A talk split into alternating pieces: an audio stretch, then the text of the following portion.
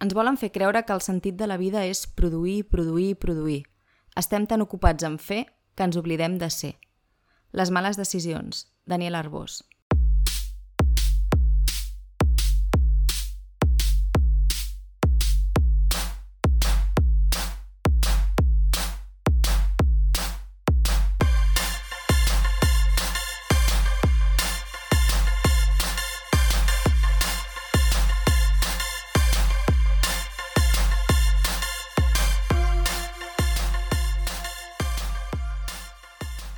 Benvinguts a una nova missió de Ràdio EBH. Avui us portem un episodi en format conversa, ja que vam poder parlar amb en Daniel Arbós, que és l'autor de Les males decisions, un llibre publicat eh, recentment per Empúries, però no només això, és un escriptor que ja té uns quants llibres publicats, tant de divulgació científica com novel·les, i és que també és el director de comunicació de l'Institut d'Investigació IDIVAPS. Uh, és un episodi en el que parlem de literatura, però també parlarem una mica de ciència, una mica de divulgació científica i del món que ens ha tocat viure una miqueta. Uh, esperem que us interessi tant com a nosaltres. Hola, Daniel. Hola. Moltes gràcies per estar una estona amb nosaltres aquesta tarda. Gràcies a vosaltres per convidar-me. Eh, volem parlar amb el Daniel Arbós avui, que acabes de treure una novel·la, Empúries, que és Les males decisions. Ve aquí en Sergi ensenyant el llibre. I bé, no és la teva primera novel·la tampoc, voldrem parlar d'ella, però també una miqueta d'altres llibres que has escrit. També, com nosaltres, ets científic, per tant, també ens agrada molt barrejar ciències i lletres, i ja que et tenim aquí, doncs també serà una oportunitat perquè ens parlis una mica de com la veus tu, aquesta conjunció entre ciències i lletres, com funciona, si és una cosa que tu et serveix per introduir coses als llibres o no, i bé, una miqueta serà una mica una conversa distesa en tot aquest tema. No? Perfecte, a la vostra disposició. Bé, eh, per si algú no et coneix, una mica de presentació, t'haurien de conèixer, és evident, però si no... Bueno, no cal, eh? Tampoc, tampoc és obligatori. Haurien, Hi ha molta gent al món perquè... Bé, en Daniel Arbós eh, és, és biòleg, no? si dic alguna cosa malament pots corregir, eh, i actualment és el director de comunicació de l'IDIVAPS, que a veure si ho diré bé això, és l'Institut eh, d'Investigacions Biomèdiques Au- August Pi Sunyer. Correcte, la, les sigles. IDIVAPS, que en el nostre mundillo es coneix com a IDIVAPS, però bé. Eh, Fora del mundillo és al costat del clínic. Al costat del clínic Clar, sempre es diu o a l'altra banda. És, és el centre de recerca vinculat a l'Hospital l'Hospital Clínic, Clínic, per tant, exacte. és un dels monstres de la investigació aquí a, a casa nostra. Llavors, eh, et dediques a la comunicació científica i, per tant, com deia la Laia, doncs és eh, la barreja gairebé perfecta entre ciències i lletres, aquesta dicotomia que sempre hi ha i és un dels temes que, que volem parlar. Uh, a part d'això, doncs, uh, veig que imparteixes classes, que fas xerrades sobre ciència, o sigui, tot el tema de divulgació, i amb tot també trobes temps per escriure, com deia la Laia, eh, espero no estar equivocat, ja que aquesta ja és la teva tercera novel·la, Exacte. i a més doncs, eh, has fet diversos llibres de divulgació científica. No? Així és, sí, sí, quan tenim temps, perquè sí que una cosa té escriure és que requereix temps, però, Això ho sabem. però sí. Doncs passarem a parlar una mica de les males decisions, que no sé si és un llibre que com que dius que has de tenir temps, no sé si la idea es va començar a gestar quan vam tenir tots una mica més de temps en pandèmia o no, però bé, com que nosaltres hem xerrat ja una estona, fes allò de...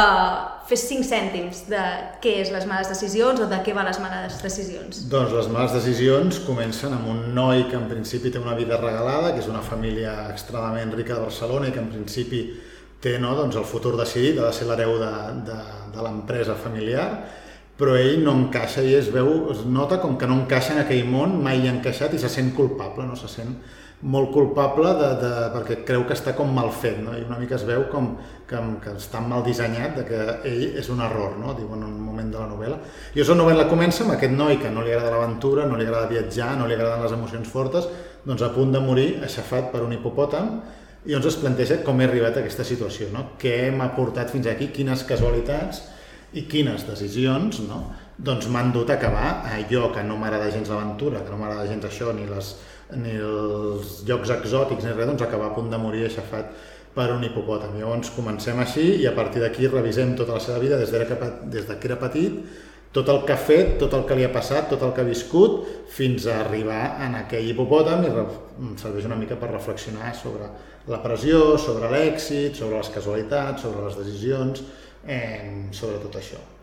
I, com dèiem abans, que re escriure requereix temps, quan vas començar a gestar les males decisions? Jo les tres novel·les que he escrit, en general, són una mica que les idees eh, et van donant voltes pel cap, no? I cada cop són més consistents. A vegades he vist escriptors que jo coincideixo, jo em considero escriptor amateur perquè no m'hi dedico, però sí que a vegades coincideixo amb coses de grans escriptors que és una mica que sembla com que la història et tria tu per sortir, no? Llavors, sí que sempre, les 24 hores del dia, mmm, vas agafant idees i vas pensant, hosti, això podria servir per una... Coneixes algú? Hosti, això podria ser un personatge d'una novel·la, llegeixes una notícia, hosti, això és una escena, sí.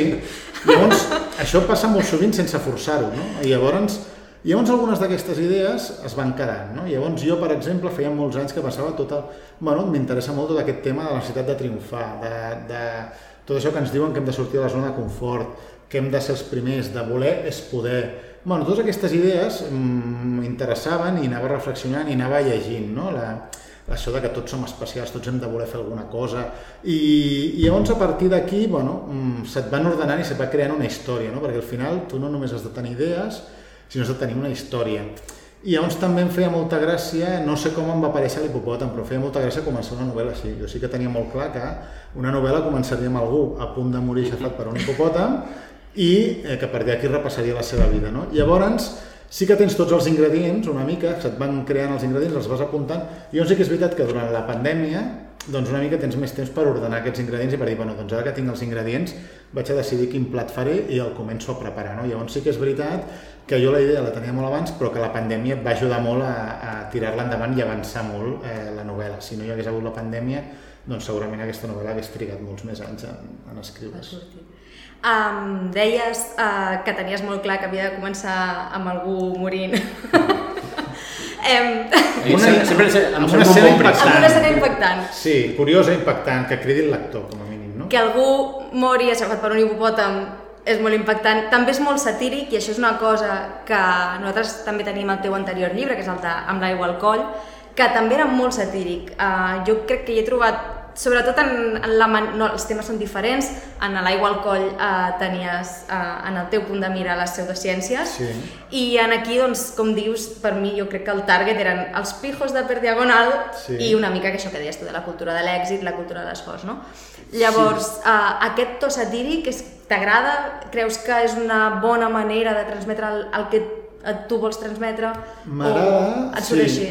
A veure, jo les tres novel·les que he escrit coincideixen en que fan un retrat irònic, satíric, humorístic d'alguna part de la nostra realitat. No? La primera, que no té res de ciència, doncs és la Barcelona de la postcrisi, els gin tònics amb arbetes, el Born, bueno, surten moltes d'aquestes coses, la, la búsqueda de parella, tot això. No? Llavors, la segona, com dius, és de pseudociències i, i aquesta, doncs, tot aquest món també dels pijos, dels rics, de l'ambició, i sí que crec una mica, eh, jo m'hi sento molt còmode, i també crec que tu has de portar el teu punt de vista a l'ecosistema no? l'ecosistema literari. Llavors fer un llibre una mica modestament com que només puguis fer tu, no? O sigui, que sigui com la, la teva veu. O sigui, jo, no fa...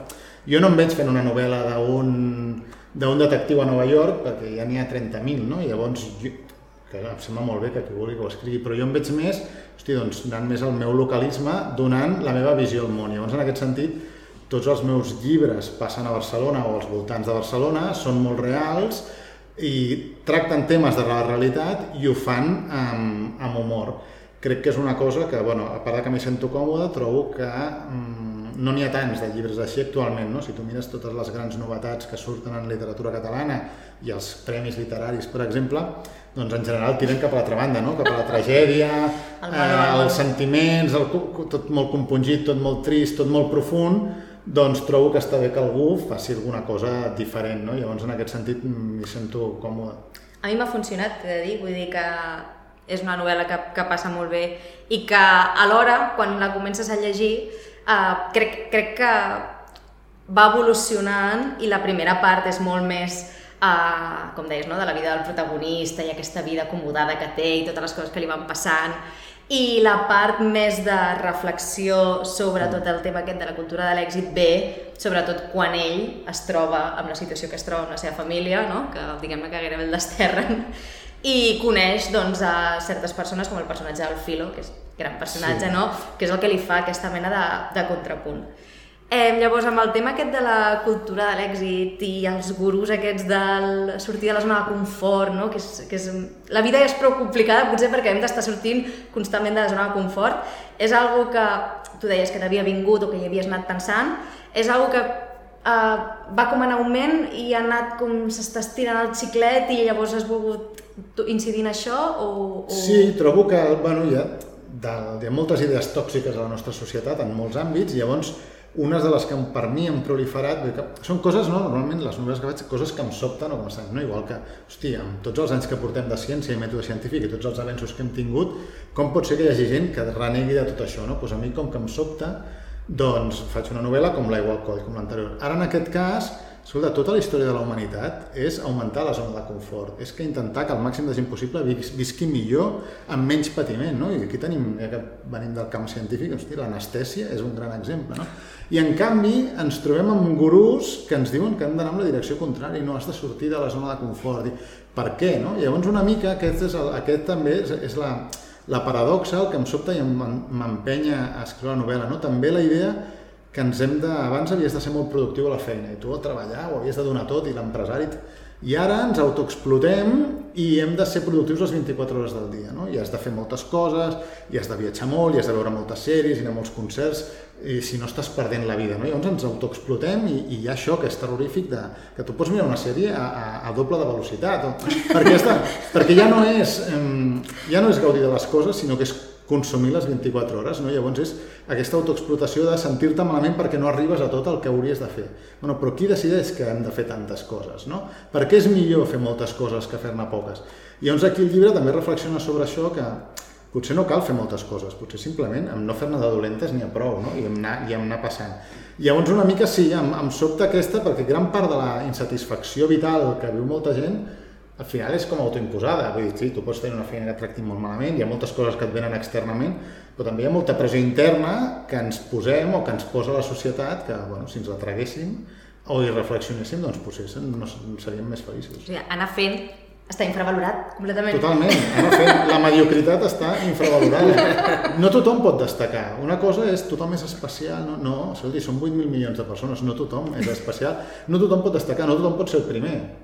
Llavors aquesta també és una altra idea tòxica no? d'aquests pensaments de Mr. Wonderful, de tu si vols pots.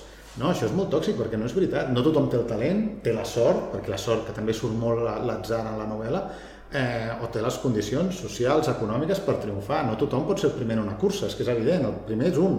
I llavors eh, la idea aquesta que si vols pots et dona tu la culpabilitat si no aconsegueixes alguna cosa. No? I sembla que si tu no has aconseguit ser el primer violí d'una orquestra, eh, doncs és culpa teva. Bueno, potser no has nascut amb el talent o no has tingut la sort, potser t'has hagut de posar a treballar i no has pogut estudiar. El que... I per tant, no tot és culpa nostra. No? I també una mica aquesta culpabilitat que potser arrosseguem, doncs el llibre reflexiona sobre això. No? El, el protagonista comença amb dos grans culpes, una culpa de, de que no és com la seva família li ha dit que havia de ser i per tant ell se sent mal fet i se sent que ell és erroni, i l'altra culpa és, hosti, Mm, totes les decisions que he pres han estat, l'he cagat sempre, no? no hi ha hagut manera. I llavors una mica es va alliberant d'aquest pes i s'adona doncs, que ell és com és i que no és millor ni pitjor que un altre i s'adona que també de tot el que ha fet, doncs, bueno, i en compte, també l'atzar intervé molt, no? i que per tant no tot és, és culpa seva. Tot això ens porta a una societat frustrada completament Sí, jo crec que ens porta que podríem ser molt més feliços del que som. O sigui, si mirem com vivia la gent fa 100 anys, ara, o sigui, hauríem d'estar... Ara, ara que ho tenim tot, o sigui, tot, tenim, tenim molta facilitat per accedir a moltes coses i tal, estem més frustrats que abans. Quan bueno, jo crec que hi ha una part humana de no estem mai satisfets del tot, que jo crec que en part també està bé, perquè així també progressa la humanitat, però sí que és cert que a vegades, hosti, que com vivia la gent fa 100 anys, a com vivim ara, sobretot al nostre entorn eh, de primer món, sí. doncs home, trobo que, que, i que a vegades aquesta infelicitat ens la busquem, no? o també ens la imposen això, que hem de fer més, i hem de voler més, i hem de... Aquesta ambició que a vegades eh, doncs és molt malsana, perquè això no tothom ho pot tenir tot i també el planeta no pot suportar l'ambició de tothom. No? I llavors eh, doncs és millor potser deixar de fer coses que no fer-ne tantes. No? Eh, això hi ha una cosa que és el, el viatge d'acció, no? que ens sentim ens sentim molt millor si fem moltes coses que si en fem poques. No? Això hi ha un estudi amb, amb porters de futbol que està demostrat que si es quedessin quiets quan els llencen un penal, doncs en aturarien molts més que si es llencen. Però clar, els, els porters prefereixen llançar-se perquè si es queden quiets tothom els insultarà no? i dirà que, hòstia, què, què fas? Que no... Bueno, doncs una mica aquest viatge d'acció, no? Això a, eh, a vegades sembla que en, en això ens autoimposem que si fem un gran esforç és millor que, que si no fem res. No? Si jo em vaig a comprar una cosa a 200 quilòmetres, sembla que és millor que si em quedo aquí al costat. Bueno, no, no té per què. No? Una altra cosa que també m'ha sobtat, bé, no m'ha sobtat, l'hem comentat abans, no? però que el tema aquest de que um, ho tractes amb sàtira, però també com molt exagerat, que entenc que acaba fent que funciona, no? Um, sí que és veritat que hi ha, hi ha un moment que penses però tan malament, no pot ser que tot li surti tan malament, pobre, però fun funciona. Mira, això, diria que això per mi és el més difícil de, de les novel·les que jo he fet, és que al final vols fer un retrat real, però satíric, i llavors els personatges són... Has de trobar l'equilibri, que és molt complicat, i que al final t'adones que depèn també molt del lector, que sigui creïble, que sigui versemblant, no? O sigui, al final... Eh, però que, però que sigui, o sigui, sigui una mica caricatura però no massa, no? I llavors aquí és la, la línia fina que, que a vegades dius, hòstia, hi ha gent que dirà, hòstia, s'ha quedat curt, podria, podria, podria haver estat molt més destripat, podria haver passat moltes més, no? anar-se molt més de voltes, i altra gent que diu, hòstia, no, ja, ja hi ha coses que són prou versemblants. Llavors sí que una de les dificultats d'aquest tipus, per mi trobo d'aquest tipus de llibres és trobar aquest equilibri en què, en què per fer humor i fer sàtira home, si necessites que el personatge sigui una mica raro, però tampoc vols el Mr. Bean ens farà molt, però home, no és creïble, no? Ningú pinta un pis eh, posant un pot de pintura i fotent-hi una bomba perquè explotis. Per tant, eh, sabem que no és veritat, o n'hi ha que neixen estrellats o coses així, però en aquest cas vol que sigui molt real, eh, però una mica passat. Llavors sí que a vegades, bueno, pots dir, hosti, mm, està exagerat, no està exagerat. De fet, aquesta és un, per mi ha estat, mm, per no dir la gran dificultat de la novel·la, fer aconseguir o intentar aconseguir aquest equilibri. Al final uh, funciona, o a mi m'ha funcionat. La cosa que has d'entrar en el joc no? de, del llibre i d'entendre de, la situació i entendre-la com a tal. No? Uh, llavors em deies abans de que és com tu, tu potser no t'hi veuries fent aquesta mena de literatura com més seriosa i més reposada.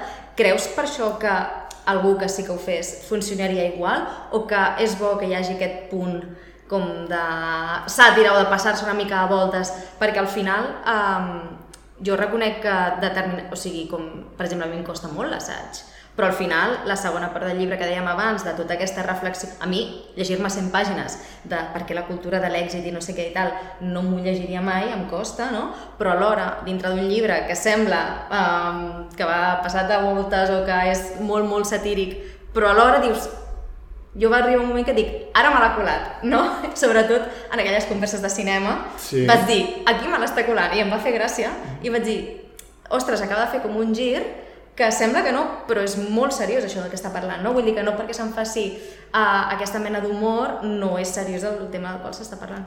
Sí, jo, eh, clar, una idea del llibre és això, anar, bueno, reflexionar sobre temes que poden ser molt seriosos, no sé, la cultura de l'èxit, eh, sobre l'ambició, sobre això de ser els primers, la competitivitat, i fer-ho enmig sí, que sigui com més digerible, no? i per això a, a l'humor. Per exemple, l'anterior novel·la amb l'aigua al coll, que és de pseudociències, mmm, ara, veient en, vista en perspectiva, potser hi ha massa ciència. Potser està massa aquest d'això de, de, i, i la part d'història grinyola una mica. Jo trobo que tot es pot fer en tots els formats. Jo sí que puc fer una, sí que em veig fent una novel·la més seriosa, sí. més profunda. Ara, en aquest cas, sí que tenia moltes ganes de que fos això, un personatge així, no? més, bueno, més satíric, que la novel·la també, una cosa que tenia molt clar és que volia que hi hagués molt de ritme, eh, molta obsessió perquè els capítols fossin curts, perquè passessin moltes coses, no? que, i que més que tot el que passa té, conse té conseqüències, o sigui que no hi ha com, cap bolet al mig, sinó que, tot, que al final és una mica una bola no? d'aquestes que, que va caient, una bola de neu que, que es va fent gran. No? I sí que mm, m'interessava que tot això no quedés només en un jijijaja, sinó que, ja, bueno, que el lector s'endugués algunes reflexions. M'he trobat, eh, amb gent que s'ha llegit i m'ha dit, jo sóc d'aquesta gent que no puc parar de fer coses i, Diu, el llibre m'ha fet pensar, així m'ha passat molt bé, però m'ha fet pensar sobre si, si, si, bueno, si, si cal que faci tantes coses, no? Però al final també depèn de com és cadascú. L'únic que el que no fa coses, jo el que em trobo gent que no fa coses, se sent molt malament per no fer coses. Gent que agafa, arriba de la feina i es posa al sofà i se sent, bueno, doncs, per què és millor una cosa que l'altra? Per què és millor haver escrit una novel·la que no haver-la escrit? No és, no és millor hi ha moltes novel·les, hi ha massa novel·les, tothom escriu i tot i, i publica, o sigui que, no, que potser no cal. Clar, jo pensava, si, si ens sentim identificats en algun punt amb aquests personatges, o sigui, ens sent, llegim i ens sentim ridículs, no vols dir que no, no t'arriba millor el missatge? Si t'hi sents, dic, hosti, m'estan escrivint, potser que m'ho faci mirar. Bueno, jo trobo perquè que interessa sí. que el missatge arribi, no? Diguem, d'alguna manera. Clar, jo sí que tots els protagonistes són bastant uns antiherois, no, o sigui, no hi ha l'heroi d'allò, sinó perquè tots tenim més antiheroi que d'heroi, no? I tothom l'ha cagat alguna vegada, i tothom té les seves febleses, les seves debilitats, tots, no? tots hem tingut el síndrome de l'impostor amb alguna cosa, i per tant jo crec que sí, potser no et sents 100% identificat amb el personatge, però amb algunes coses segur que sí, segur que eh, algú, mm, bueno, no? També moltes de les, de les decisions errònies que pren són decisions errònies molt comunes. Mm, Vull dir que no són allò que diguis, hòstia, mm, no s'ha injectat heroïna, sinó que bueno, doncs s'ha equivocat triant la carrera que volia estudiar. Bueno, molta gent considera, si pogués tornar enrere no estudiaria la carrera que, que va estudiar. Mm, S'embolica amb qui no toca. Bueno, això, molt, tots coneixem casos que els hi ha passat. No? Llavors són coses que, bueno, que són errors que més o menys molta gent ha comès, no? però al final també és com se'ls pren i com se'ls pren al seu entorn perquè sí que ell pren males decisions quan està amb la família i la família no li perdona, però també pren males decisions en una segona vida que comença, no? que és aquesta segona part del llibre, que, que comença a treballar en un cinema, i allà pues, una mica els és igual i, i llavors ell hosti, veu un canvi, no? això tota la part de reflexió, una mica ell viu en un món molt tancat que, que se sent que no hi encaixa i llavors descobreix un nou món que li obre la ment i que una mica allà se sent molt més còmode no? i llavors una mica troba el seu lloc al món, no? eh, on menys s'ho pensava, en un entorn que era tot l'oposat al d'on ell venia, però se sent còmode i se sent a gust, no? I una mica dius, hòstia, soc tan idiota que en el meu primer món privilegiat no em sento a gust, i en canvi en un món molt, bueno, molt més precari sí que em sento a gust, no? Ja, jo crec que tinc gairebé una última pregunta sobre el llibre. Vinga. El protagonista, una de les males decisions que pren, com has dit, és estudiar una carrera que li és absolutament igual, Sí. um, per amor, i és biologia. Exacte. Llavors, eh, no només ridiculitzes el protagonista que ell pren males decisions i tot el seu Sí. entorn, sinó que eh, la carrera de biologia en si i, i has ficat allà eh, moltes coses, les has ridiculitzat molt també, perquè és que és veritat, no? Um, tots tres hem estudiat Sí. biologia, ara, aquesta, aquest, ara mateix els tres hem estudiat biologia i, els, i no sé si els tres, però allò de que et porten a un camp i has d'anar comptant que si ho expliques a algú dius no m'entendran, és que em diran per què estàs fent aquesta estupidesa. I hi ha unes quantes eh, històries que surten relacionades amb la biologia, de que si fer cens de no sé quin tipus, ja no me'n recordo, un insecte o alguna a Sí, Montjuïc... se'n va buscar sí, cuques de llum a Montjuïc i fan un herbari... Bueno, són coses... Bueno, jo, clar, jo vaig estudiar biologia i, i sí que moltes coses, clar, quan les expliques a gent de fora, al·lucinen, no? I llavors em quedaven, eh? Són d'aquestes coses que et van quedar al cap, dius, algun dia he de fer una novel·la on fiqui tot allò. Jo sí que parlo de moltes coses, bé, el llibre evidentment no és autobiogràfic, però sí que trobo que si parles de coses que has viscut de primera mà, hi ha molta més realitat i molta més veritat, no? Hi ha coses que... I llavors em... jo també vaig treballar en un cinema quan estudiava i per això són coses que, que m'agradava explicar i podia haver fet una altra carrera i haver estudiat una altra cosa. Però sí que és veritat que també, clar, la biologia, ella explica la carrera de biologia des del punt de vista d'algú de, de classe superalta que no li interessa el més mínim i que ha anat a parar allà i se sent com un extraterrestre perquè veu coses super rares, no? Però sí que és veritat que, home, biologia hi ha coses rares i també hi ha una crítica, perquè almenys la carrera a la meva època tot era de memoritzar, o quasi tot era memoritzar, no? Llavors una mica, hosti, realment això de ser una, una carrera i hi havia situacions molt curioses i molt esperpèntiques, no? Pues jo recordo, hi ha, hi ha una escena on, on hi ha una taula del, del, de la cafeteria de la facultat on tot de gent porta doncs, excrements que han trobat per la muntanya i llavors hi ha un expert que els hi diu de quin animal és, no? Pues això és de llop, de fura, de guineu... Home, jo, clar, jo quan ho explicava als meus amics que no eren de la carrera, doncs clar, al·lucinaven, no? I llavors, Però això és verídic? Això és verídic, sí, això és verídic. És que jo, I això- veia que carregaves bastant Tot contra la biologia de bota, diguem-ne, també, de Bueno, jo vaig fer biologia de bota i no és... I- Bueno, que regui, clar, al final... I volia preguntar si hi havia experiència Sí, o jo traumes estu- personals no. aquí. No, però al final, jo és la biologia que vaig estudiar, em va agradar, em, perquè a més hi ha tota una part molt interessant de- d'ecosistemes, d'intercanvi d'energia i tot, que trobo que és molt interessant, però clar, si em poso en la pell del personatge, del protagonista, que no li interessa el més mínim, això, que ell tot el seu entorn d'escola, tot és d'empreses i tots volen ser empresaris, els pares, i clar, es troba en aquest món, dic, hòstia, com s'ho prendria aquest? I llavors, clar, d'al·lucinar, no? I llavors, sí, tot el de les excursions, i això, gent que analitza excrements a la taula del menjador, que fa herbaris, doncs, li ha de- li ha d'al·lucinar i llavors per això ho he... Vull no, en aquest sentit no, no penso igual que el, estan molt exagerat, no penso igual que el protagonista, Tot i que és veritat que tot un món, la gent que estudia biologia és tot un, és tot un món. Bueno, nosaltres que en principi hem estudiat els tres biologia per voluntat pròpia, sí. penso, coses rares crec que n'hem vist tots. Sí. Hi ha anècdotes, un dia podíem parlar d'anècdotes de la Clar, llavors, bueno, jo vaig dir, algunes d'aquestes coses que havia viscut que et queden, dius, hosti, això ara, doncs mira, per què no faig que el protagonista estudi biologia i fico tot això que, que havia de treure, no? que en algun moment vaig dir, això ha de sortir en una novel·la. El món no s'ho creurà. El món no s'ho creu, jo.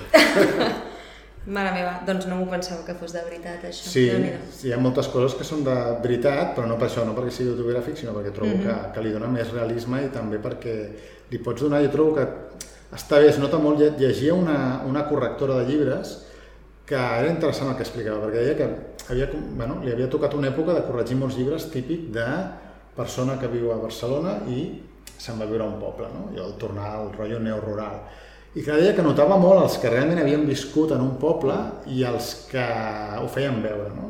I llavors deia, es notava molt el llibre perquè els que, els que han viscut de veritat i ho han mamat de petits tot t'ho fiquen quan toca. Diu, en canvi, els que no, tu, mm, ho, ho exageren molt i, es not, i comencen a dir un munt de paraules d'eines de, del camp, però com quan no ve a cuento. No? Diu, es nota molt artificial. Diu, qui no ho ha viscut intenta que es noti tant que s'ha empollat tot el d'allò de... i llavors et fica 20 eines del camp en un paràgraf quan no cal. No? I llavors en aquest sentit, si escrius de coses molt properes, crec que queda més natural, no? I llavors en aquest sentit per això he triat biologia i per això vaig triar que treballes en un cinema, que són dos mons que, que conec bastant. Doncs res, no sé si tens algun comentari més tu. Bé, jo he de reconèixer que no l'he llegit encara, la novel·la no, no me n'amago, la llegiré segur perquè la Laia m'ha parlat molt bé, Eh, i bé, a mi ja, ja em va el rotllo.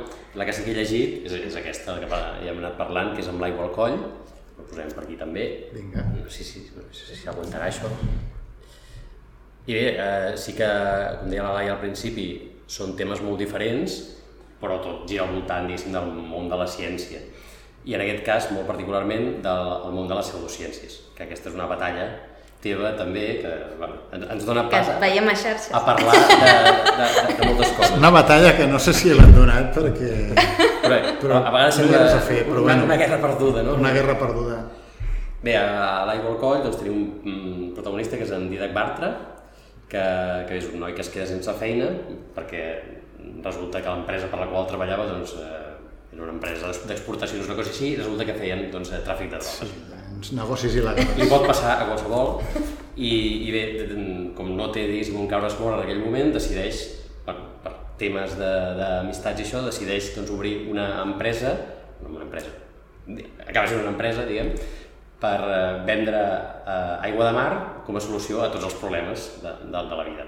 Això exagerat i explicat així molt de patacada, però diguéssim que és una sàtira brutal de les pseudociències que si algú no, no coneix aquest món, que segurament sí, perquè tothom ha sentit a parlar d'homeopatia, per exemple, mm -hmm. flors de bac i coses d'aquestes, doncs mm, asseguren doncs, que l'aigua té memòria, diverses coses que evidentment xoquen frontalment amb, amb algú que ha estudiat biologia, algú, biologia o ciència en general, algú que es dedica a la ciència i que creu en el mètode científic. Llavors, clar, eh, en aquest món eh, de les pseudociències hi ha molts gurus també, Veiem aquí t'agrada destacar a la, a la gent que s'abandera no? sí. amb, amb, amb les coses i com deia la Laia, doncs, t'hem vist plantant molta batalla a aquesta gent a xarxes perquè a les xarxes actualment, molt especialment a Twitter, que ara ja no, no es deu dir ni Twitter, és una X, no sabem què és, perdrà els ocellets i perdrà tot, però ella hi ha molt, molta gent diguem, que està defensant moltes conspiracions i, i moltes coses què, què és defensar la ciència a les xarxes actualment? Bueno, es t'adones que sí que és una batalla bastant perduda perquè al final eh, les pseudociències són noves religions, no? Llavors, un, per un dels problemes de...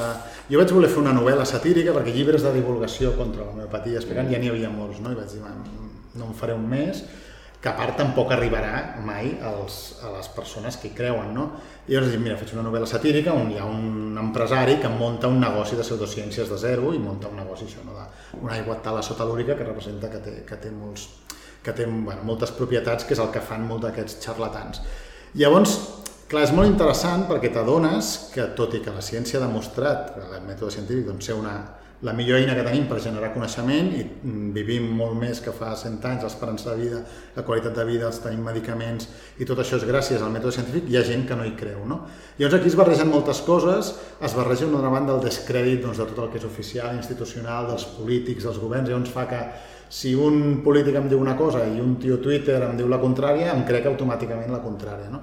I també el que fan les xarxes socials promouen doncs, les, les bombolles de, no? de, de coneixement. Tu al final eh, bloqueges a tothom que, que et porta la contrària i segueixes només a gent que pensa el mateix que tu i per tant et crees el teu univers on tothom creu que la Terra és plana, no? Sí. Perquè si tu algú et diu no, escolti, que la Terra no és plana, doncs el bloqueges i llavors t'adones que amb aquesta gent no hi ha res a fer, eh? i al final els que són eh, intransigents veus que no, no els canviaràs d'opinió i tampoc es tracta de canviar-los d'opinió. És la gent aquella que potser té dubtes, li pot sembrar el d'allò del dubte. Escolti, mm, no, amb la pandèmia hi havia molta gent que potser al principi, hosti, eh, no, no hi creia, i els que mai els convenceràs que sí que va haver-hi una pandèmia, que s'havien de vacunar i tot, però jo crec que molta gent, bueno, veient els arguments d'uns i altres, eh, doncs potser sí que al final els aconsegueixes convèncer de que, bueno, de que, hosti, que els hi poses el d'allò del dubte de que els xarlatans i pseudocientífics doncs, que no tenen raó. No?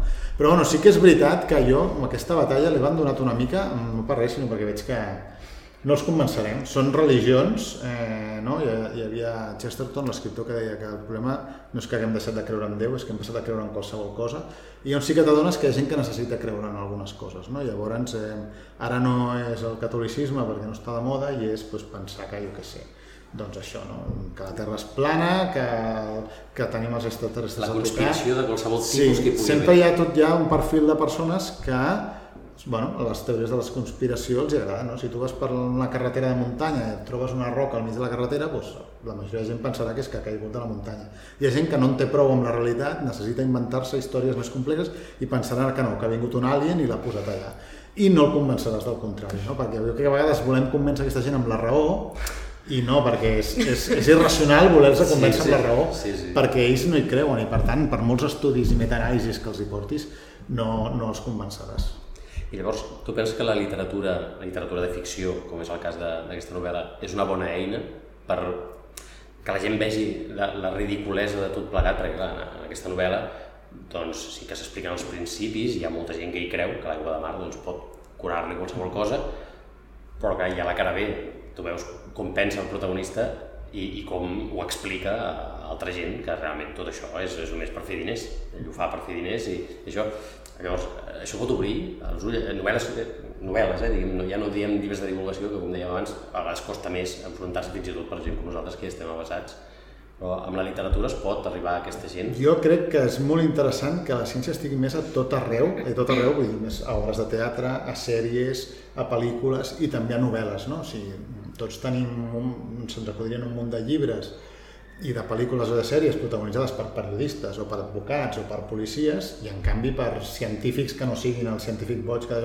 n'hi ha molt poques, no? Llavors, en aquest sentit... Per metges. Jo, eh? Per metges sí, sí per metges però, sí, però algú treballant en un laboratori de recerca eh, n'hi ha molt pocs, eh? I que i sobretot comparat això amb altres professions. Llavors, en aquest sentit, jo crec que és molt interessant perquè aquí estàs llegint una novel·la, una història amb uns personatges que els hi passen coses, que també s'enamoren, es desenamoren, i a part hi ha molta ciència ficada. No? Llavors jo sí que vaig pensar que era una molt bona idea i també algú que mai es llegiria un llibre de divulgació sobre pseudociències, doncs potser una novel·la o que el regalarien. No? Jo me'n recordo quan va sortir el llibre em vaig trobar amb gent que vaig dir, tinc la meva germana que creuen totes aquestes coses de constel·lacions familiars o de no sé què, li regalaré el teu llibre, no? Així era un llibre que sí que em vaig trobar molta gent que em deia, no és per mi, però li vull regalar perquè tinc el meu cunyat o el meu pare o ara trobo no sé qui que creu molt en aquestes coses i com a mínim, bueno, clar, un llibre de divulgació, no d'allò, però una novel·la també, no? com el que dèiem abans, doncs, amb una mica d'humor, que es llegeix fàcil, que no és un penyazo, doncs bueno, potser pot, pot servir, eh? a veure, tampoc canviarem el món, però una mica és això, augmentar l'ecosistema literari també, de dir, bueno, un llibre que penso que, que no gaire gent podria fer, doncs dir, bueno, hi poso ciència, hi poso humor, que és el que, el que jo puc aportar, el meu granet d'arena. Això és una venjança, eh? una mica això que has dit. Ara regaleu un llibre que ja veuràs. Amb tot això que dius ja bueno, veuràs. pot servir perquè algú no li faràs canviar 100% d'opinió, però com per reflexionar, jo crec que igual que el de les xarxes, no? a vegades hòstia, per què ho fas, no? És com, com bregar al desert. Però sí que t'adones, i llavors hi ha gent que diu, hòstia, doncs mira, això no ho havia pensat, no? I home, si tots els metges són tan dolents que volen que ens morim, per, per què els metges són els que van fer que no, que no es fumés, o van promoure molt que no es fumés a bars i restaurants, no? Per què els metges et diuen que caminis, que mengis fruita i verdures? I llavors hi ha gent que amb, amb arguments molt senzills diu, hòstia, doncs potser sí, no? potser sí que me'ls he de creure. Llavors, bueno, mmm, jo tenia moltes ganes, també és el, el mateix que us deia, que era la típica història que anava donant voltes al cap i com que la història necessitava sortir i, i mira, i va sortir aquesta història d'un senyor que s'inventava una teràpia alternativa. I jo el que em vaig pensar quan el, el llibre el vaig, el vaig llegir va ser que a mi em va fer molta gràcia també, però vaig pensar que algú que potser algú molt a l'altre extrem eh, ja no, no sé si potser ja directament no el llegiria, però que algú una mica més allunyat del que ens podem pensar, uh, t'ha vingut algú a, a, entre cometes, tocar la cresta? No, bueno, ha, sí que hi ha hagut, per exemple, vaig llegir, mm, clar, em, el, em, alguna, no sé si per xarxes, en l'editorial vam fer com alguna campanya, com si fos una, bueno, la teràpia alternativa. Llavors, alguns d'aquests se'l van, se van llegir, per exemple, sí que hi havia alguna, ara no sé quina plataforma, no sé si era Amazon o a Goodreads o en això hi havia unes crítiques superdestructives de que, clar, perquè ells es pensaven que era un llibre sobre teràpia, una teràpia alternativa i llavors van trobar que era tot el contrari, no? I llavors sí que, sí que alguna crítica furibunda o també a xarxes sí que vaig rebre... Gent que es va sentir potser insultada. Bueno, clar, sí, perquè llavors t'acusen de... Perquè, bueno, que, no, que estàs comprat per les farmacèutiques, que és el clar, ara, ara, és el primer, sí. és el primer que et diuen, i que no sé què, que, que, que la superioritat moral de la ciència, que no teniu ni idea, que no ho voleu investigar...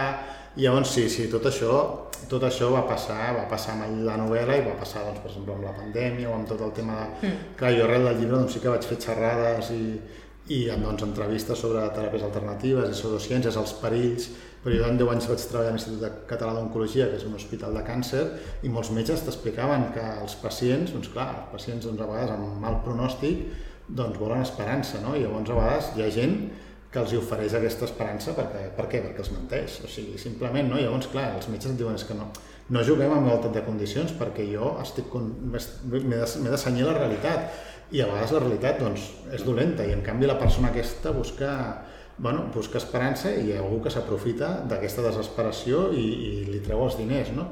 I llavors sí que amb aquestes entrevistes o, o amb això sí que ha rebut crítiques unes fins i tot bueno, gracioses perquè bueno, clar, gent que ho viu molt, no? com dèiem, és una religió i llavors entenc que si algú viu molt i li ataquen la seva religió, doncs bueno, tots sabem els extremistes sí. i els talibans com es comporten. Ja, per comencen, tant, o sigui, la, els eh, gurus de la pseudociència comencen a comportar-se amb aquest extremisme. Eh? També sí, és, és que són, bueno, és això, són, sí, sí, són quasi sectes que no els pots, clar, no pots rebatre perquè els estàs tocant el més profund de les seves creences. Jo m'acabo de recordar que eh, el, vaig recomanar a, a un amic que tinc que és professor de secundària i llavors amb els Jocs Florals els deixaven a cada, el premi dels Jocs Florals és que cada departament escollia un llibre i em va dir, doncs el colar, ell és de fa biologia i química i tal, i va dir, doncs el colaré i el va colar com a premi de Jocs Florals, no me'n recordo quina escola, però bé, uh, també no, a edats 15, 16 anys, sí, dir, clar, bé per...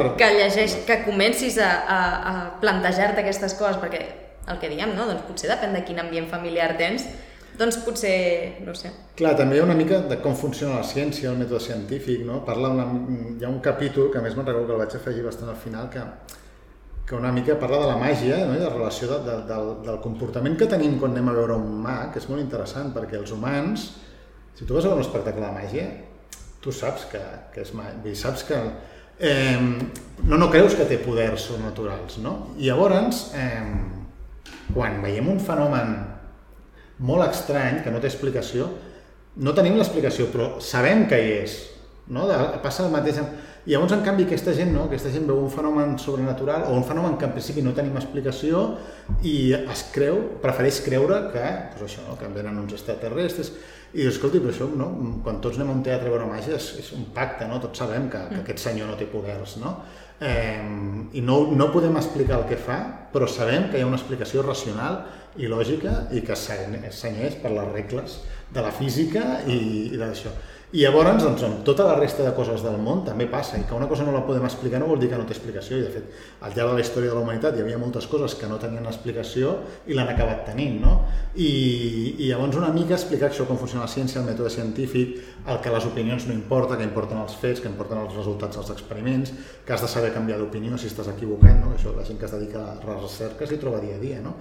I llavors una mica també volia fer aquesta didàctica de, de com es genera coneixement i per què la ciència no és una religió, no? I de fet la ciència s'està constantment doncs, replantejant i, i, i es posa a prova en cada nou experiment i en cada nou estudi. Clar, naturalment nosaltres som, això que dèiem una mica de les bombolles, eh? nosaltres som un públic eh, agraït d'aquest tipus de llibres perquè clar, sí. Eh, les idees ja les compartim, llavors trobem molt graciós quan es ridiculitza, que sigui amb bona voluntat per, per posar de manifest diguéssim l'absurditat de, de molts temes, però quan es fa mofa d'alguns temes, doncs naturalment a nosaltres ens fa molta gràcia. Llavors, em sembla que ho has comentat abans, mm, ja no sé si a casa nostra, però a tu et ve algun altre referent d'escriptor, diguéssim, que faci alguna cosa similar al que fas tu amb les teves novel·les? Hosti, estic segur que n'hi ha, però jo no, bueno, no, no t'ho sabria dir. Perquè aquí, aquí a casa no en sona, però altres, altres Clar, divulgadors això, que es posen més seriosos. Mm Sí, eh, clar, el tema divulgació sí que és veritat que hi ha gent molt bona, que fa llibres molt bons, però sí que hi ha una cosa amb l'humor, tant en ficció com en divulgació, que a vegades pot semblar com que, que, bueno, que, que, que és com d'agradar, no? L'humor és com que no t'ho prens seriosament, que no té la mateixa validesa. Si tu fas un assaig super totxo i super sessudo d'un tema, sembla que és molt millor i és, eh, i és més seriós i és més rigorós i més vàlid que si fas una cosa mm, més amb, amb humor. No? Llavors, eh, nosaltres, jo, tant els llibres que he fet, les novel·les, com els llibres de divulgació que he fet amb, amb, amb un amic meu, el Màrius, que ja és físic, doncs sempre ho hem fet amb humor, també perquè en això, com us deia abans, ens sentim molt còmodes i també perquè creiem que és una eina molt vàlida per arribar a un públic que no es llegirà mai un assaig de 300 pàgines sobre alguna cosa de ciència, no? I llavors, en aquest sentit, Eh, bueno, segurament hi ha més gent que ho fa pel món, però no, no, no els hem agafat com a referent, però no per res, sinó perquè no els coneixem. O sigui, sou pioners. Sou... Bueno, no ho sabem. Sí que fem eh, el nostre estil, diguem-ho així. O sigui, tenim molt clar el que ens agrada i, per exemple, no, els, els dos llibres de divulgació que, que hem fet, que parteixen d'un programa de ràdio que, que fèiem, que es deia... Estarem aquí, és que hem vingut preparats, Molt hem vingut bé, doncs, preparats.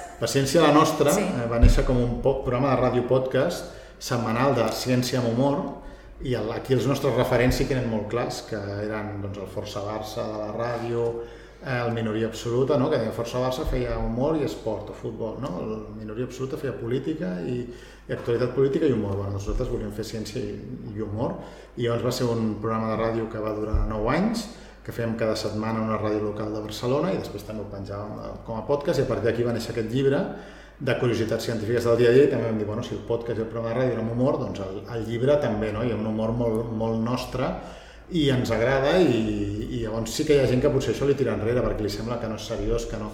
Però bueno, no, la idea és que sigui igual de rigorós que un llibre seriós, no? I després també després vam fer aquest altre de 14 maneres de destruir la humanitat que, que també ens feia molta gràcia fer un llibre sobre les amenaces. A més, una cosa molt curiosa és que, clar, el llibre va sortir primer el 2019 aquest, em sembla que era, sí. 2018-2019, clar, i ja parlàvem de la possibilitat d'una pandèmia, però era una cosa molt etèria, no? I, i al cap d'un any teníem la pandèmia. Es va tornar un llibre d'actualitat. Sí, llavors de, no, si de canvi climàtic, però que hi havia moltes amenaces que les veies molt etèries i que ara entre no, no sé, la guerra de Rússia i Ucraïna, doncs tema atòmic, tema a les epidèmies, tot això, doncs dius, hosti, doncs potser estem més a prop del que ens pensàvem. No, no t'han vingut a titllar aquí de, de, de visionari o el que tu ja, ja sabies el que passaria? He de dir que ja, el amb el, ja amb el capítol de la pandèmia sí que... Bueno, clar, llavors què et passa? Que, que quan comença la pandèmia, per exemple, una cosa que passa, els periodistes comencen a buscar gent amb la que parlar. Llavors, no sé si a través de l'editorial o com, clar, veuen aquest, aquest capítol i sí que molts professors, bueno, hòstia, m'he llegit el capítol de les epidèmies i clar, és que és tal qual, però bueno, no és que fóssim uns visionaris, és que els, els experts que, que investigaven, eh, no? els experts en epidèmies, sobretot també molta gent del camp de la veterinària que fa recerca animada, et deia, escolta, que la probabilitat que hi hagi una epidèmia, que hi hagi un, un virus que salti dels animals als humans, doncs no és baixa, eh? Eh, I llavors, bueno, escoltant aquesta gent, que són els que en saben, vam fer aquest capítol. I nosaltres al final recollim el que et diuen els experts, no? igual que el canvi climàtic, home, doncs tot, sí, doncs és fotut, el canvi climàtic és... I llavors nosaltres una mica transmetem, a, a recollim estudis, el que diuen els experts, i ho traduïm, que és una mica la feina de la divulgació, i en aquest cas també amb humor, no? perquè ja que parlem de maneres de destruir la humanitat, doncs bueno, fem un humor, hi ha una, una escala de, amb calaveres del zero calaveres, que vol dir que no, per exemple, no? un apocalipsi zombi, doncs hi ha zero probabilitat, segons la ciència, que succeeixi, uh, perquè que un mort ressusciti doncs no, no, no pot ser, però llavors hi ha el canvi climàtic o altres que, que, que ja són, que les calaveres augmenten i que el risc és més real.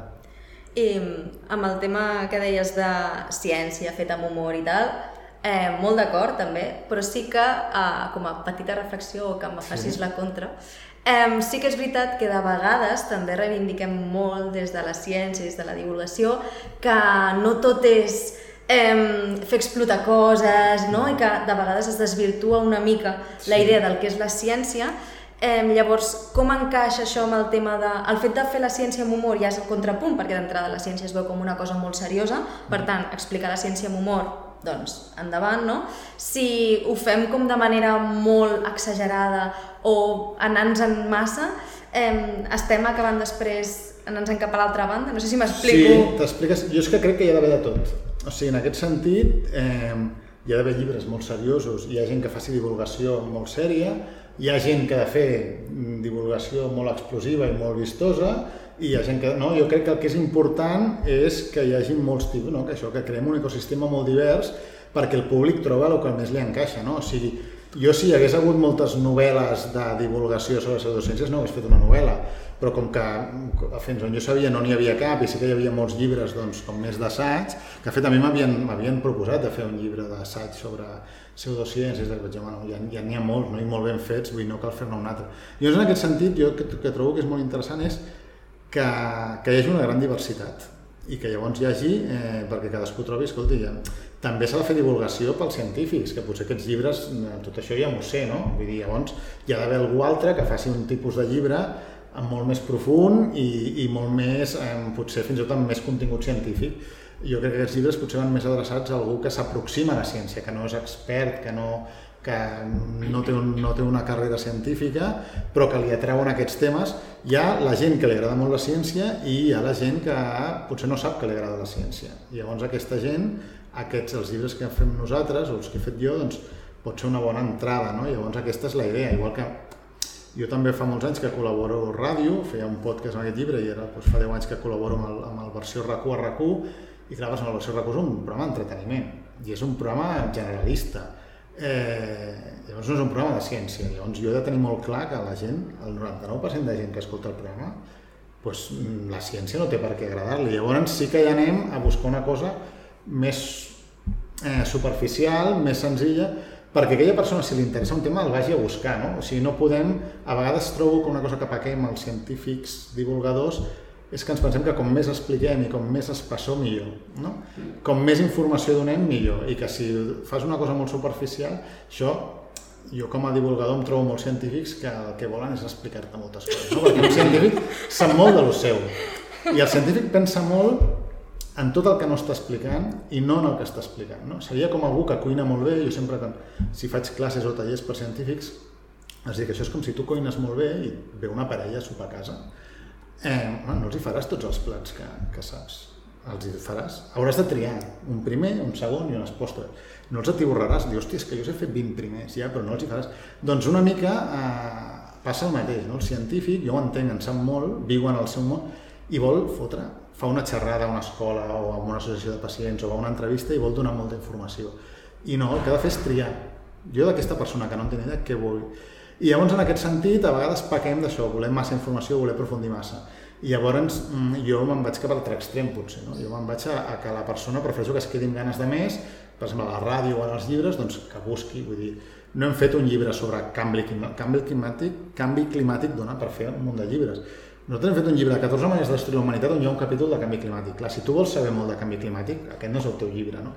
Però si tu vols tenir una mínima punt i saber quatre coses per on van els trets, doncs sí que et pot servir, no? Llavors, en aquest sentit, eh, nosaltres fem com la primera aproximació. Tu vols més informació? Escolta, des d'internet hi ha 30.000 pàgines o hi ha 30.000 llibres que et donaran tot el que, el que vulguis. I com tenim la divulgació a casa nostra? Si ja haguessis de dir noms de divulgadors de, de casa nostra que fan bé i que fan bona feina, qui, qui et vindria? Home, no et diré noms perquè, perquè si no em, no em vull enemistar amb els que em deixi. Però, no, jo, a veure, crec que és, és molt complicat la divulgació a casa nostra. D'una banda hi ha els mitjans de comunicació que hi ha molt poca ciència als mitjans de comunicació. Per exemple, no, els mitjans públics, jo trobo que és lamentabilíssim que eh, hi havia el Kekicom a TV3 33 i ja va desaparèixer i no hi ha pràcticament res. No? I a Catalunya Ràdio tampoc, no parlo pels mitjans públics d'aquí, que home, mm, que no tinguin un programa que en les 24 hores del dia, 3, els 7 dies de la setmana no hi hagi una hora per fer un programa de ciència, em, em, em sembla al·lucinant.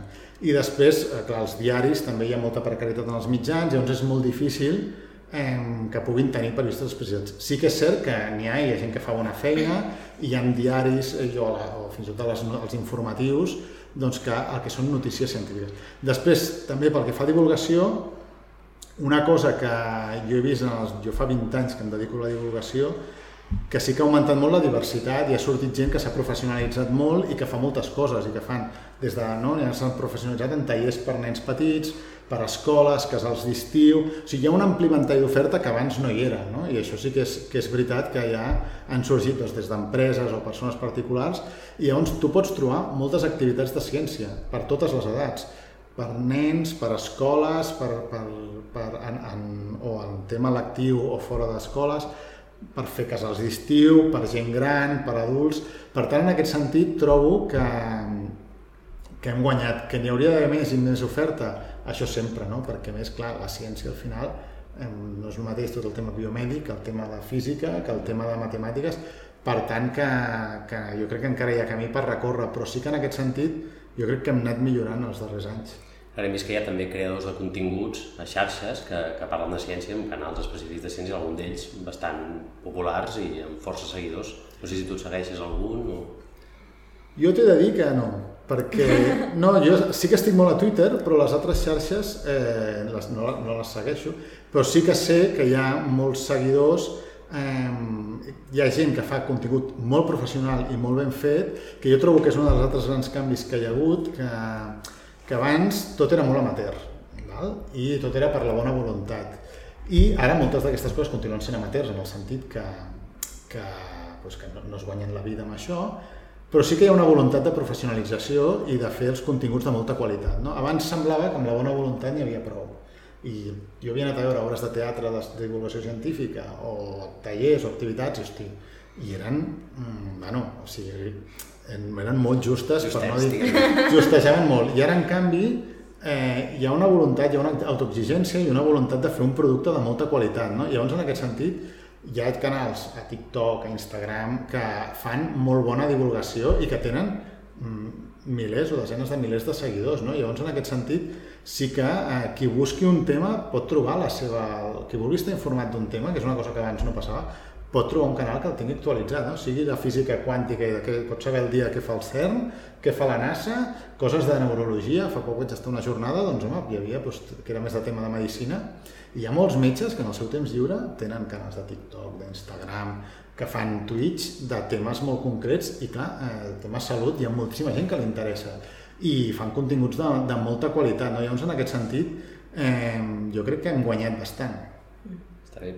Llavors hem vist la, la teva vessant, diguem, que t'agrada explicar la ciència amb una mica de conya, això ja ho hem vist en els teus llibres i, i d'això, però clar, tu et dediques a divulgar la ciència en un centre de recerca del prestigi de l'Edivars, a l'Hospital Clínic. Sí. Com és aquesta feina, tan diferent del que tu escrius?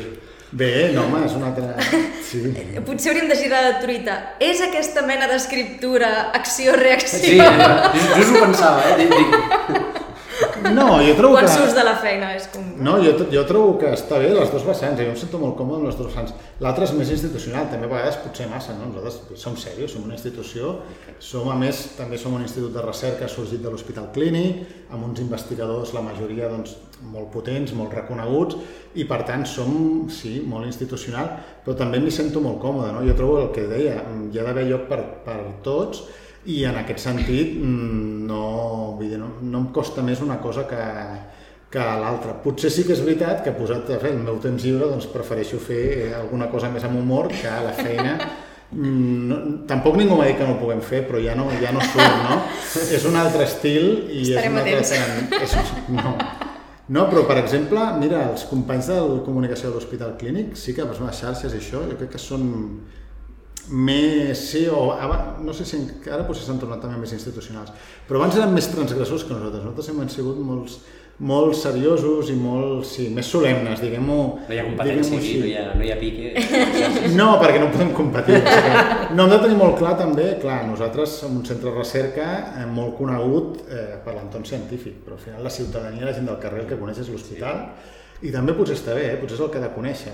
Ha de saber que a l'entorn dels hospitals es fa gran recerca, que es fa molta recerca, recerca de primer nivell, a més recerca de molt impacte, o sigui, que és on que, que pot tenir una translació en la seva qualitat i esperança de vida. No? Per tant, en aquest sentit, trobo que és molt important, que és una de les nostres principals feines, és que la gent sàpiga que a l'entorn dels hospitals es fa molta recerca i de molta qualitat i que els afecta directament i que per tant s'ha d'aconseguir que s'inverteixi més en, en recerca i si no surt la nostra marca a mi no em preocupa tant, no? en aquest sentit no, no, vull dir, no, no tenim un allò de logos que passa en altres institucions, per això sí que ens portem molt bé amb l'hospital, perquè més l'hospital és molt potent i també té molts seguidors, no? al final una cosa que, que està passant, que també entronca amb el que parlàvem abans de la divulgació, és que els centres de recerca, les universitats, estan compartint ja, són mitjans de comunicació propis, sentit, l'Hospital Clínic té 60.000 seguidors a Twitter, doncs a vegades no li cal sortir a, a una tele, a una ràdio o a un diari perquè només arribant als seus seguidors arriba molta més gent, no? Quanta gent ara compra el diari un dia de cada dia? Quanta gent llegeix una notícia això, no? El, uh, doncs, uh, és molta menys. Televisió, cada cop hi ha menys gent que, que mira la televisió i sobretot la gent jove, no? Mm. Per tant, hem de trobar altres maneres d'arribar a aquest públic i les xarxes són una manera i ja no ens calen els intermediaris dels mitjans, no? Llavors jo crec que aquest també és un canvi que des dels centres de recerca o els propis investigadors o els propis metges poden fer divulgació i arribar a moltíssima gent que abans no podien. I a més amb molts amb mitjans que, que abans necessitaves, doncs no, no podies tenir un estudi de ràdio a casa teva. Ara, doncs, amb un ordinador, un micro i una càmera, doncs pots fer un... Podem fer una cosa apanyada. Pots fer una cosa apanyada. Um, potser que anem tancant una mica. Uh, per tancar, ja que parlaves ara del teu, temps, del teu temps lliure, volem uh, saber què llegeix Daniel Arbós en el seu temps lliure, perquè si et dic què llegeixes, potser em diràs que durant 8 hores al dia llegeixes articles científics, això no ens interessa. Volem saber què t'agrada llegir. Mira, intento no llegir articles científics, intento que me'ls llegeixi, que, que els llegeixi altra gent. Així, així parla el cap de comunicació. Clar. No, eh, doncs mira, llegeixo ficció, Uh -huh. O sigui, no llegeixo divulgació.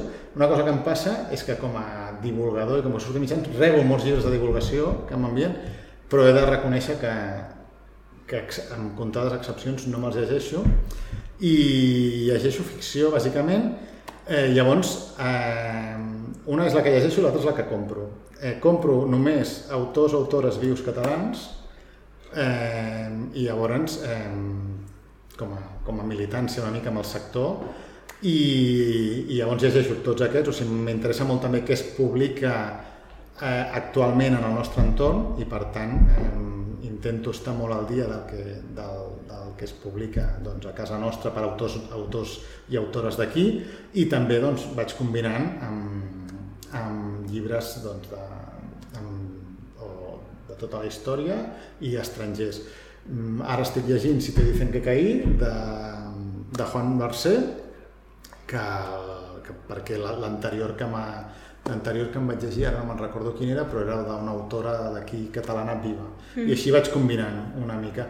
Tinc pendent l'Eduard Márquez del 1969, que me'l reservo per, per l'estiu, també em, em vaig llegir un de les Pinars no fa gaire, mm -hmm. eh, i, bueno, i així anem, anem combinant. Em vaig llegir Gina de la Climent, com es diu la... la Maria Climent. Maria Climent, mm, així, mm -hmm tots rojals, la, també com que a l'Idivaps organitzem un club de lectura, em llegeixo els llibres del, del club de lectura, però sí que hi ha, hi ha autores sobretot que m'interessen molt, doncs la Marta Rojals, l'Eva Baltasar, llavors sí que d'aquesta intento, intento llegir tot el que va sortint. Mm. A, a les males decisions cites Cussà. Sí, també lleig Jordi Cussà. Si, si només som el que allò que fem, eh, què som quan no fem res, no? Aquesta, hiper, aquesta necessitat de fer coses i que ens definim pel que fem i llavors em va agradar molt aquesta frase del, del Jordi Cussà de si només som allò que fem, què som quan no fem res. Bueno, doncs amb això ho deixarem, ja m'has contestat perquè nosaltres solem acabar preguntant què estàs llegint en aquest moment ja he vist que estàs llegint un totxo, no? Perquè... Si te dicen que, a més, estic llegint una versió de Si te dicen que caí d'aquestes antigues a Marial 2, ah, fantàstic. que, que, bueno, que costa molt de llegir ja, però... però jo bé, he llegit Mercè, però he sentit que és una mica indigerible, no sé si coincideixes. Jo, te, jo eh, t'he dit que sóc bastant fan de Mercè, però costa entrar-hi, i per exemple, si te dicen que caí el primer capítol me l'he hagut de llegir com tres vegades, perquè portava 4 o 5 pàgines i és literalment no entendre res. Perquè caíste dormido. Res, sí, que caí dormido. No, però de dir, no, no, no entenc absolutament res del que... Però sí que és veritat que té coses que, que m'agraden molt, no? També eh, m'agrada molt llegir coses molt diferents, molt semblants al que podria escriure jo, de, no? Hi ha llibres que dius, hòstia, aquest llibre, com és, podria, no és que el podria haver escrit jo, però parla del mateix més o menys que parles tu, amb coses molt, molt, molt diferents, no? Per exemple, Espinàs m'agrada molt perquè és molt senzill i molt d'allò, però està, els teus llibres estan super ben fets. No? bueno, clar, per això era un escriptor i per això era l'Espinàs. I llavors anar combinant, també tinc un del Murakami esperant-me, bueno, una mica, però com tots, eh, falta temps per llegir, no? I llavors, eh, bueno, sí, sí, hi ha la pila de llibres per llegir ja, ja pendents. Això és universal. Sí. Això és universal i ens, i ens passa a tots. Bé. Però... Doncs moltes gràcies uh, per la xerrada. Eh, bé, per, a l'enhorabona per les males decisions, que esperem doncs, que, sí. que tingui recorregut i que se'l llegeixi gent i a veure si entre tots també eh, fem córrer una mica tot el tema aquest de que no cal potser estar tot el dia fent coses ni sentint-se malament sí. per, per no fer coses, sinó que seure i llegir un llibre doncs, també és fer alguna cosa també i de fet molt productiva i molt plaent i molt relaxant. No? Eh, doncs fins aquí ho deixem. Eh, res, reiterant les gràcies. Gràcies a vosaltres. I res, el tornem a ensenyar Vinga. per acabar. Eh, que reivindiquem l'altre. Exacte, perquè... sí. sí els, dos, sí. els dos són molt bons, els dos ens han agradat molt. I res, doncs fins la propera i moltes fins gràcies. La propera, gràcies a vosaltres.